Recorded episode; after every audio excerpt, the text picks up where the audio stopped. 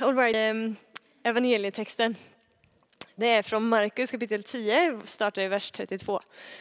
De var nu på väg upp till Jerusalem och Jesus gick före dem. De var fyllda av bävan och de som följde, följde med var rädda. Då tog Jesus än en gång med sig de tolv och började berätta för dem vad som skulle hända honom. Se, vi går upp till Jerusalem och Människosonen kommer att överlämnas till översteprästerna och de skriftlärda. De ska döma honom till döden och utlämna honom åt hedningarna, som ska håna honom och spotta på honom, gissla och döda honom. Men efter tre dagar kommer han att uppstå. Då kom Jakob och Johannes, Sebedeus söner, fram till Jesus och sa, Mästare, så vad vi ber dig om. Han sa till dem, vad vill ni att jag ska göra för er?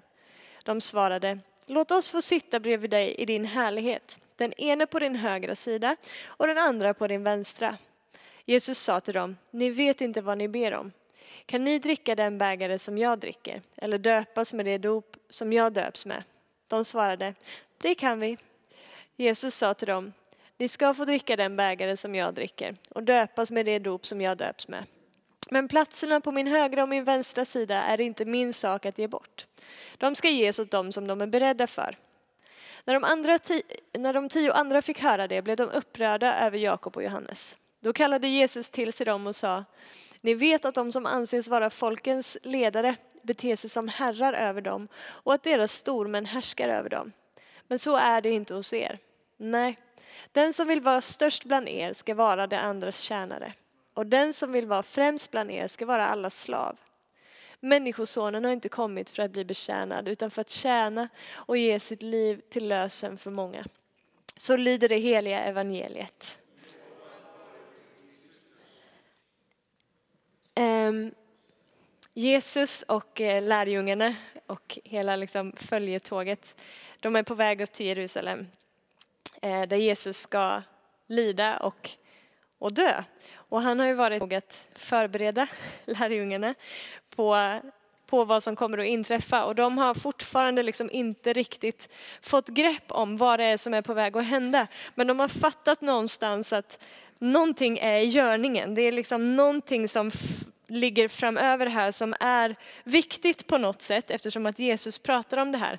Och i den här kontexten då så kommer Jakob och Johannes för de har ju liksom fattat att okej, okay, no, någonting kommer att ske här nu.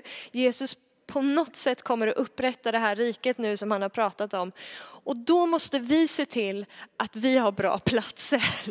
Vi måste se till att vi får de ärofyllda platserna, att vi får sitta på hans högra och på hans vänstra sida. När han väl sitter i sitt rike och regerar, då liksom, här ska vi vara. Um, och när, när de säger det, då vaknar de tio andra lärjungarna och bara, men hallå, vänta lite nu. Vi vill också ha ett ord med i den här matchen. Om det är de bästa platserna som ska delas ut, då vill vi också ha en rösträtt här. Det har inte vi signat upp oss på. De blir lite, lite upprörda, så det uppstår lite sån konkurrenstänkande emellan dem. Eh, och vi kan ju läsa den här texten och tycka att vi läser den i klartext, liksom, för vi vet ju i efterhand vad det handlar om. Men lärjungarna har ju inte varit med om, om det ännu. De står ju fortfarande och är ganska gröna och, och oförstående för vad det är som, som faktiskt ska hända. Men de har greppat att Jesus är Messias. Petrus har inför de andra lärjungarna bekänt att du är Messias, den levande Gudens son. De har fattat liksom att det här är honom som vi har väntat på. Det här är han som alla profetiorna talar om. Och då har de också fattat att den här Messias, han har kommit för att han ska upprätta sitt rike. Han har kommit för att han ska råda och regera och de förväntar sig någonstans liksom att han ska inta och liksom bara störta hela romarriket och eh, liksom med någon slags politisk makt och agenda inta och upprätta sitt rike då. Eh, och utifrån, eh, utifrån deras förståelse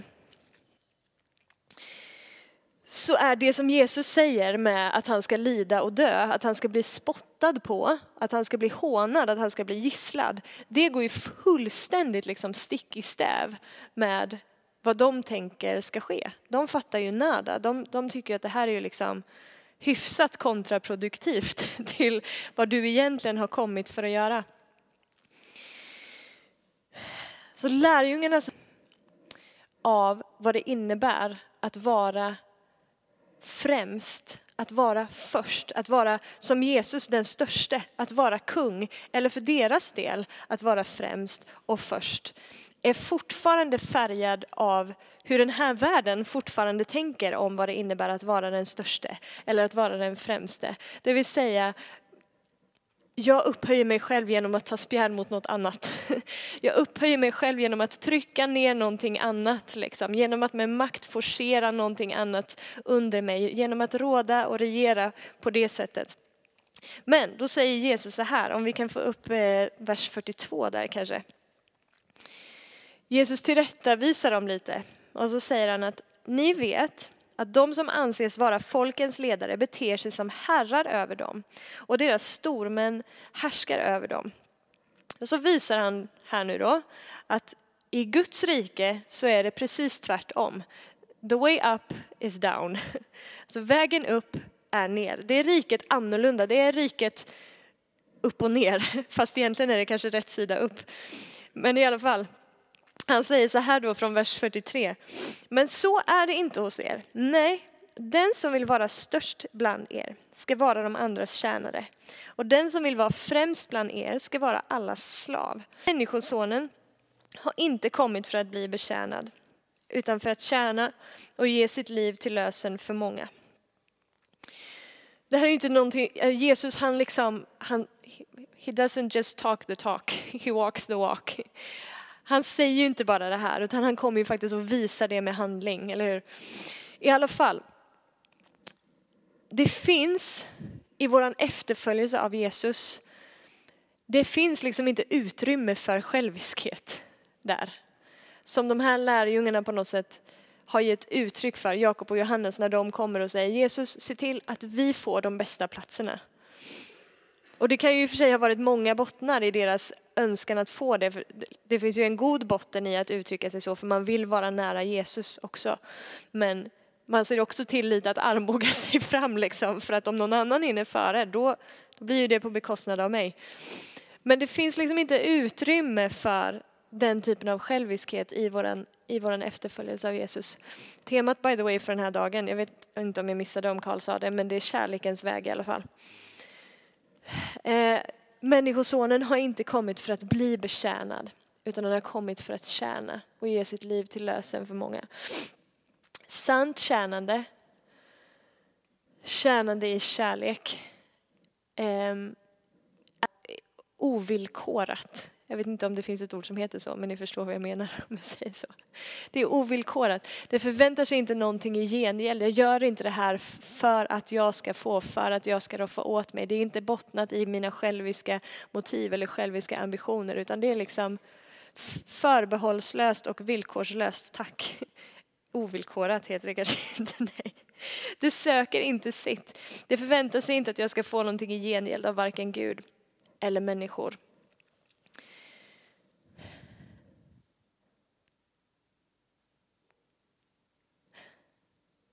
Den här typen av kärlek, eller den här typen av tjänande som är helt liksom fritt ifrån de själviska motiven eller själviska begären eller så, kan inte hända annat än genom vår pånyttfödda människa. Vi kan, eh, Filippa kanske vi kan lägga upp det bibelordet som var från eh, andra Korinthierbrevet där som Karl läste förut också.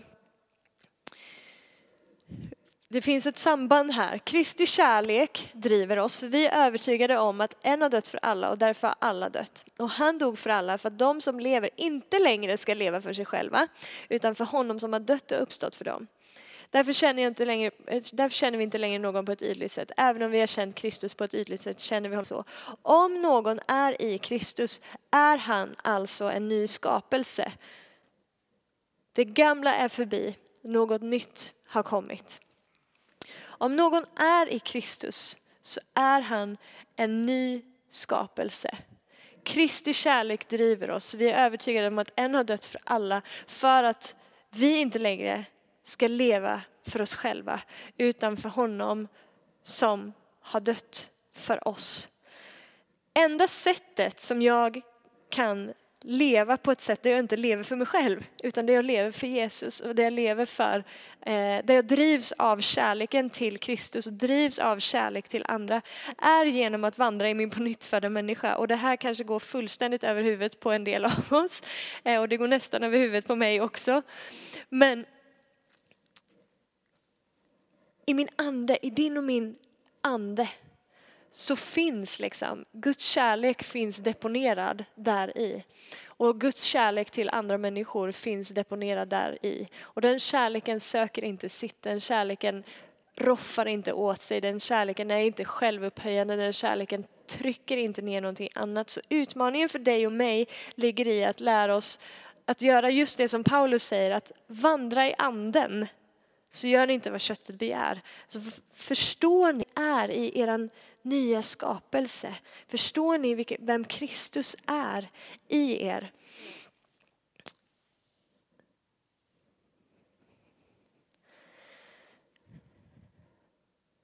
En nyckel i det här kan vara, för det är lätt för oss att tänka liksom att ja, men Jesus han vill ha mina, mina fina gärningar. Liksom. Han vill ha mina tjänster och han vill att jag ska älska andra och han vill att jag ska göra de här fina liksom, ABC.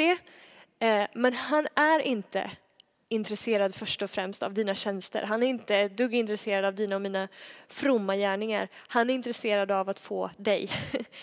Han är intresserad av att du och jag liksom ger efter eller ger upp till honom. Och när han får gripa tag om våra hjärtan på det sättet, när han får grepp om våra liv och när du och jag säger här är jag Gud, du, kan ha, du, kan, du får hela mig. Då helt plötsligt så vaknar det här till liv i oss, den här nya skapelsen i oss kan få utrymme liksom, för att jag väljer att liksom lägga ner det andra. Jag väljer att lägga ner det i mig själv som söker min egen ära, som söker egen bekräftelse och upphöjelse och berömmelse. Om jag säger Gud, you can have it all. Varsågod, här är jag. Jag vill inte bara liksom vara en springflicka, springpojke som gör fina saker för dig här i, i periferin, men här är jag. Där i får våran ande liksom utrymme, den här nya skapelsen.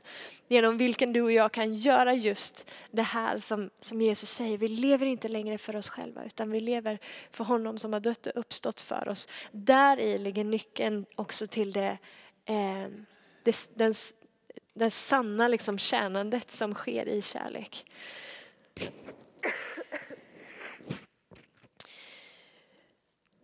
Kärlekens väg är betjänande, inte utifrån att visa Gud hur fromma vi är och tro att vi ska få hans eller människors gillande genom att vi är snälla och hjälper folk. För då är våra gärningar själviska i alla fall. Alltså att leva jag vet inte om du, du har säkert också fått den här insikten, jag har fått den här insikten många gånger i mitt liv. Att leva för sig själv, det är bland det jobbigaste fängelse man kan vara i. Alltså, att bli inåtvänd och navelskådande liksom, och söka mig, mitt och mina och det som är bäst för mig. Liksom. Fy vad det är jobbigt att leva på den platsen efter ett tag. Man blir så fruktansvärt fånge där på den platsen. Men Guds kärlek i oss befri ifrån oss själva. Att bli befriad ifrån sig själv, att bli befriad ifrån att söka sitt eget bästa och istället söka andras bästa. Det är en sån vilsam och skön plats att få vara på. När jag bara så här, jag vet att Gud tar hand om mig. Jag behöver liksom inte bekymra mig om mitt eget anseende. Jag behöver inte bekymra mig för, för ditten och datten. Nu sa jag det igen Jakob. Jag har bara sagt det en gång den här gången. Han påpekade att jag hade sagt det flera gånger i söndags när jag talade. Men det är en sån fri plats att vara på när jag bara kan lägga ner mitt eget ego. Liksom. Och bara, jag, jag, är inte på den här jorden, jag lever inte på den här jorden för att jag ska liksom uppfylla mig själv. För att jag ska uppfylla min egen kallelse eller min, min egen liksom dröm eller längtan eller begär eller vad det nu kan vara. Det finns ett större syfte för dig och mig. Och det syftet är att leva för honom som har dött och uppstått för oss och därigenom också leva för andra. För förlängningen av det vi läste i Korinthierbrevet där var ju att han har insatt oss i försoningens tjänst. Han dog för oss för att vi skulle leva för honom, inte för oss själva. Han gjorde oss till nya skapelser i Kristus och insatte oss i försoningens tjänst. Vad innebär det? Jo, det innebär att vi ska leva på ett sådant sätt i våra liv så eh, fria från oss själva, fullständigt överlåtna till att den kärleken som flödar igenom oss pekar människor till Gud. Det är när människor ser Guds kärlek i oss som flödar igenom oss som de fattar också vem han är och vill försonas med honom. Ingen kommer vilja försonas med en Gud som är lite så här eh, halvtrulig. Men hans kärlek i dig och mig, liksom, när den får sätta oss fria ifrån våra egna egon, ifrån våra egna begär och liksom Se mig, mata mig, snälla ge mig, jag kommer hit och jag har ett behov och så blir vi så fruktansvärt blinda. Du säkert som jag har kommit till gudstjänst ibland och bara vi är så uppfyllda av oss själva och våra egna problem och mina egna behov och vi bara liksom kommer med inställningen av att kan inte någon bara se mig? Kan inte någon bara be för mig? Kan inte någon bara ge till mig? Jag behöver att någon bara talar Guds ord in i mitt liv just nu. Jag behöver att någon kramar mig, att någon bara förstår mig. Och så när ingen gör det så sitter vi och tycker lite synd om oss själva. Liksom. Det är ingen som förstår mig, ingen tar hand om mig.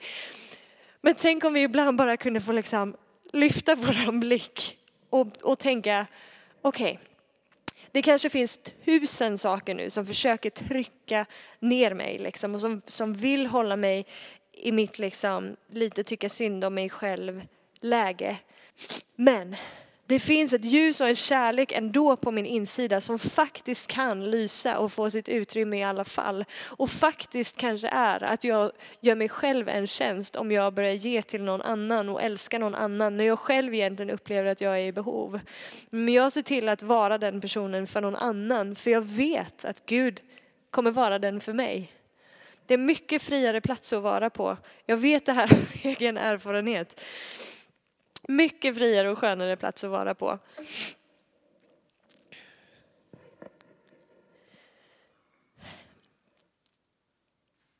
Det är en väldig skillnad på när liksom att, att uppoffra någonting för någon annans skull och välja liksom en lägre väg eller vad man ska säga, en, en tjänandets väg det är skillnad på när, när det sättet att leva motiveras av faktiskt kärlek än när det motiveras av någon slags eh, liksom, religiös eh, eh piska som vi har eh, i oss.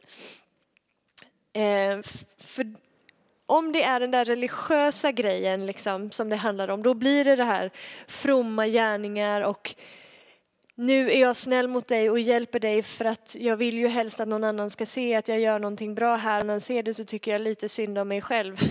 Läge. Eh, då blir det ju liksom av själviska motiv. Det blir liksom det blir lite moment 22. Då har det liksom inte uppfyllt sitt syfte i alla fall. Det är min egen självrättfärdighet som, eh, som är i farten om jag i det jag gör för andra människor, liksom, som jag kanske tycker är kärlek. Men om det drivs av mitt behov av att få andra människors gillande eller Guds gillande, då är det ju bara för att tillfredsställa mitt eget ego. Men det finns en annan plats som vi kan älska utifrån. Det finns en annan plats i oss själva som vi kan tjäna utifrån. En plats i oss själva där vi faktiskt är fria ifrån de där självuppfyllande behoven. Där vi är fria ifrån, de där, ifrån den själviska, egoistiska agendan som, som håller oss fångna. Men hur många gånger hur många gånger så gör inte du och jag saker liksom, bra, fina kristna handlingar inom citationstecken. Hur många gånger gör inte vi det för att folk ska se oss? Om jag gör det här då kommer alla se hur fin jag är som hjälper till så här mycket. Nu har jag städat toaletterna så här många gånger. Nu har jag hjälpt till i köket så här många gånger. Eller nu har jag lyft upp den här personens väskor för trappan. Kan inte någon bara se vilken fin människa jag är? Om jag hjälper den här personen, då kommer den att gilla mig och förstå att jag är en bra människa. Och så har du i hemlighet en liten hållhake på den personen, liksom, för att du egentligen tycker att den står lite i skuld till dig för att du ju har varit så snäll mot den. Och så har du egentligen inte tjänat i sann kärlek. Liksom. Hur många gånger har du och jag försökt att hävda vår rätt i en situation istället för att bara lägga ner? Du har ett samtal med en person och du kanske har rätt och den andra personen har fel. Men hur många gånger har du liksom verkligen, verkligen, verkligen hävdat och hävdat och hävdat din rätt? Du får minsann böja dig liksom. Istället för att bara, okej, okay, jag släpper. Och så har vi inte, så har vi inte valt den, den eh, tjänande vägen liksom. Ödmjukhetens väg. Hur många gånger har du och jag armbågat oss fram för att få det bästa och det största har vi någon gång varit på ett ställe där det serveras mat och vi ser att det kommer liksom inte räcka med jättemycket mat till varje person utan jag behöver ta en lite mindre portion men då skyndar jag mig, ställer mig långt fram i kön så att jag ser till att jag får mycket mat på min tallrik eller jag tar den största tårtbiten eller jag skyndar mig allt jag kan för att bara längst fram i kön till den här, det här eventet så att jag får den bästa platsen där inne istället för att ge den till någon annan. Hur många gånger har vi armbågat, armbågat oss fram för att eh, få det som kommer att få mig att se bäst ut inför människor och glänsa. Eller se till att mätta mitt eget behov först. Hur många gånger har inte vi, när vi har gjort någonting bra för någon annan, sett till att vi också har berättat för någon, en tredje part att vi har gjort den här grejen. Vi måste liksom verkligen försäkra oss om att alla har förstått hur bra och god vi har varit. Hur många gånger, det här kan svida lite grann, kan det vara så att vi ursäktar vårt egentligen kanske lite fattiga liv tillsammans med Gud genom att gömma oss bakom goda gärningar? Vi ursäktar oss själva och tänker att jag har nog ett ganska bra liv med Gud egentligen. Liksom, Gud gillar mig för jag gör allt det här och det här. Och vi ursäktar oss inför andra liksom, att om jag lever så här inom situationstecken fint kristet, då kommer alla andra tro att jag har en jättefin och bra relation med Gud. Och så gömmer vi oss bakom den fasaden. Men egentligen så är det bara, återigen, våra själviska behov och syften som motiverar oss i det vi gör.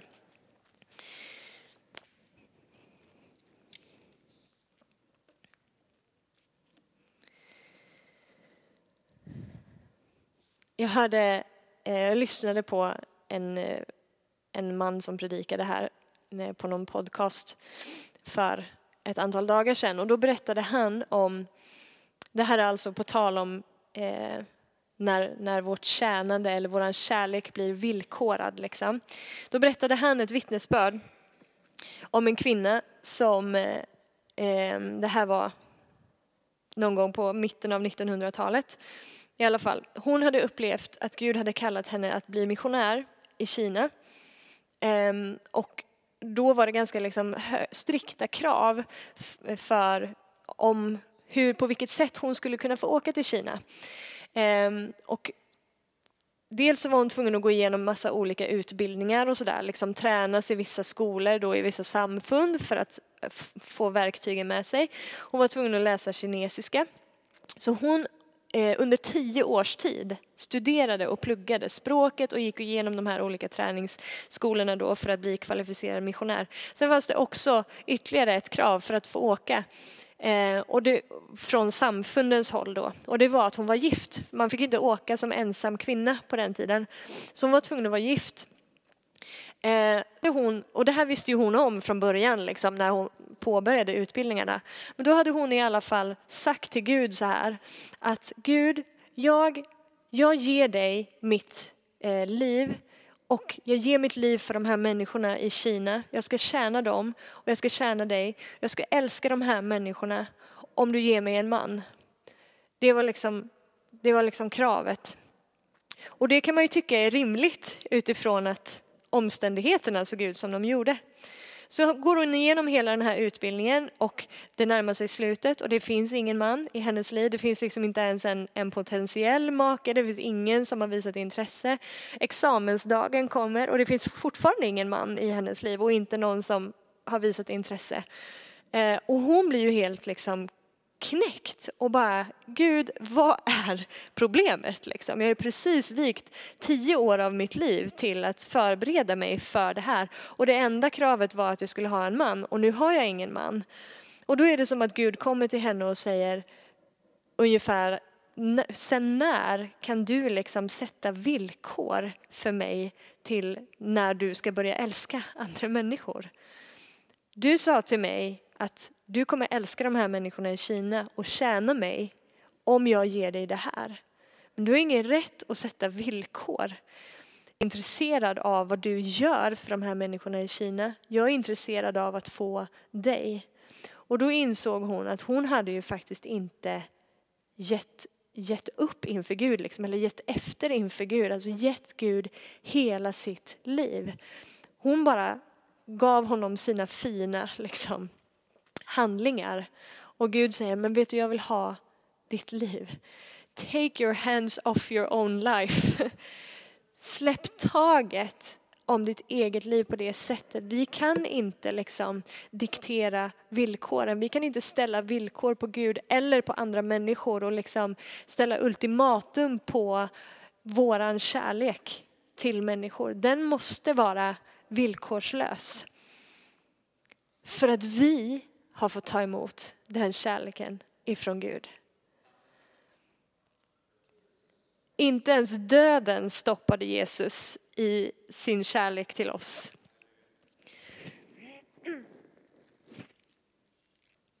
Jesus gjorde det han gjorde utan att förvänta sig en prestation i gengäld.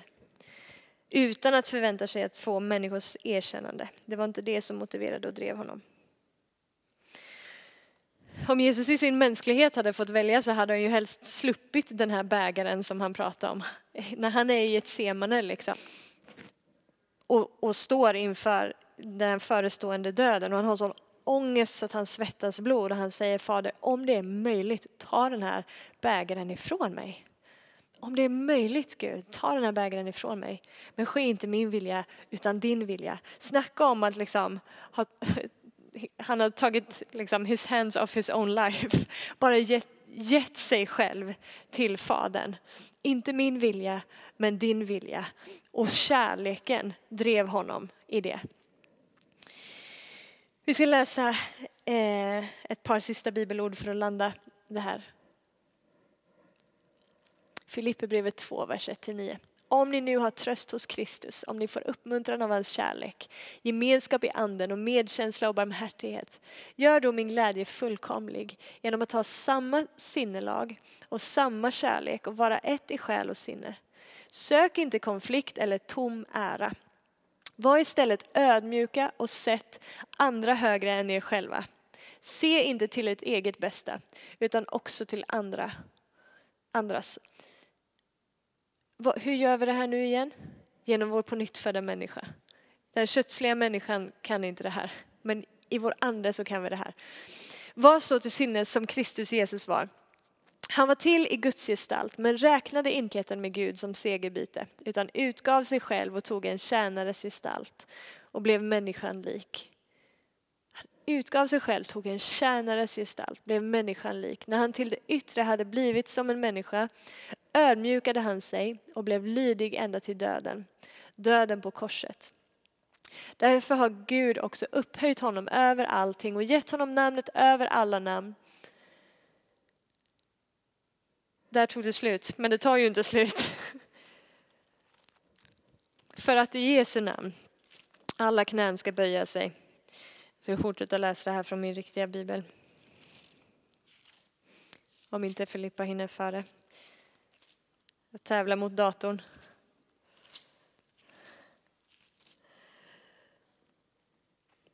Därför har Gud också upphöjt honom över allting och gett honom namnet över alla andra namn för att i Jesu namn alla knän ska böjas i himlen och på jorden och under jorden och alla tungor bekänna att Jesus Kristus är Herren, Gud Fadern till ära. Vi läser också från första Korinthierbrevet. Kärleken är tålig och mild. Kärleken avundas inte. Den skryter inte. Den är inte uppblåst. Den beter sig inte illa. Den söker inte sitt. Den brusar inte upp. Den tänker inte på det onda. Den gläder sig inte över orätten men gläds med sanningen. Allt bär den, allt tror den, allt hoppas den, allt uthärdar den. Kärleken upphör aldrig. Jag kan stanna där. För mitt eget liv så känner jag bara Jesus Kristus, grip mitt hjärta igen. Grip mitt hjärta igen, Herre, för att jag, jag vill älska, jag vill älska alla människor. Jag vill inte leva för mig själv, jag vill leva för dig Jesus som har dött och uppstått för mig. Och den kärleken som du har till mig, låt den få komma mitt hjärta till del så att jag kan ge den vidare till andra människor. Jag fattar att jag kan inte göra det här i min egen kraft, alltså i min kötsliga människa liksom, så, så går det inte. Det går inte, men du har gett mig en ny människa. Liksom. Du har flyttat in i mig med din ande. Jag ber att det skulle få vara din ande i mig, min på nytt födda människa som får visa mig vägen i det här. Hjälp mig att leva utifrån den platsen i mig själv där din kärlek är levande och verksam liksom, så att jag kan ge den vidare till andra utan att förvänta mig någonting i gengäld, utan att göra det för att få människors uppmärksamhet, utan att för att se bättre ut inför Gud. Som att han inte redan skulle se igenom mig. Liksom. Som att han inte redan känner mig. Han, är, han struntar i mina fina gärningar i den bemärkelsen. Om det bottnar på fel botten. Liksom. Han är intresserad av att få mitt hjärta. Och det fina i kråksången här är ju då också att eftersom Guds kärlek är villkorslös så dömer inte han mig eller dig när vi misslyckas. Det finns ingen liksom skam eller skuld eller någonting sånt som Fadern lägger över oss i detta. Utan snarare så är det att han lockar oss in till en plats där han säger, vet du, det finns en väldigt fri plats att leva i mig där du bara ger upp dig själv och låter mig älska dig och låter mig ta hand om dig så kommer du att känna hur den kärleken strömmar på ett naturligt sätt utifrån ditt liv. Där du inte försöker så himla mycket, där du inte försöker att vara snäll, där du inte försöker att älska och försöker att vara god. Men det finns en plats av frihet och den, den platsen för att komma till den platsen så behöver du och jag vara villiga att bara säga ja, jag är villig att dö från mig själv. Jesus Kristus, så som du dog för mig. Jag vill också dö. Jag vill också dö ifrån mig själv. Din kärlek och ditt liv fullständigt bara kan få ta sin plats och sin boning och strömma utifrån mitt liv. På den platsen av frihet vill jag vara. Och jag tror att vi alla egentligen vill vara där.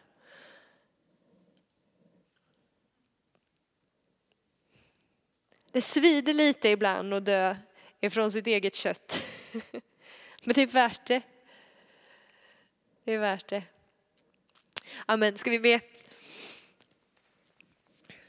Herre, vi tackar dig för den kärleken som du har visat oss. Medan vi ännu var syndare så bevisade du din kärlek till oss genom att Kristus dog för oss i vårt ställe. Vi tackar dig att inte ens döden kunde stoppa den kärleken som du hade till oss utan du gick hela vägen Jesus. Du blev lydig ända till döden. Och vi tackar dig för det. Tackar dig att du också har uppstått för att vi skulle kunna bli födda på nytt. För att vi skulle kunna bli nya skapelser i Kristus och få ta emot din ande på insidan. Att du har insatt oss i försoningens tjänst Gud. Att din kärlek i oss får, får översvämma till andra människor så att de ser vem du är Herre. Jag ber Gud att du skulle bevara oss ifrån religiöst beteende där vi försöker vara goda kristna och där vi försöker göra fina, liksom, kanske för att mörka vår, vår brist på liv på insidan eller där vi egentligen bara söker människors gillande och bekräftelse eller ditt gillande och bekräftelse. Bevara oss ifrån det Herre. Jag ber som Paulus bad, grip mitt hjärta. Så som jag har blivit gripen av Kristus. Grip våra hjärtan Herre så att vi igen får drabbas av den kärleken som, som du har till oss Gud. Så att vi fullständigt bara får, får dö bort ifrån oss själva, från våra egna egon. Tack att du befriar, befriar oss ifrån oss själva. Och dessutom har du redan sagt att den gamla människan är redan korsfäst och död. Vi får se på oss själva som att vi är döda från synden och vi lever nu för Gud i Kristus. Vi lever i dig. Lär oss att vandra i anden. Lär oss att älska så som du älskar. Mm.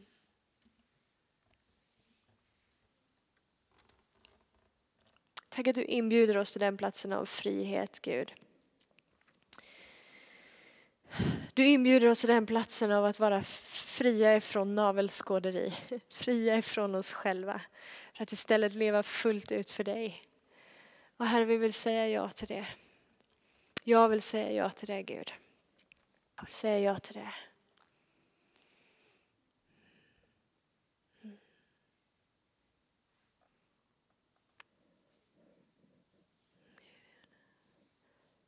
Ber så i Jesu namn. Amen.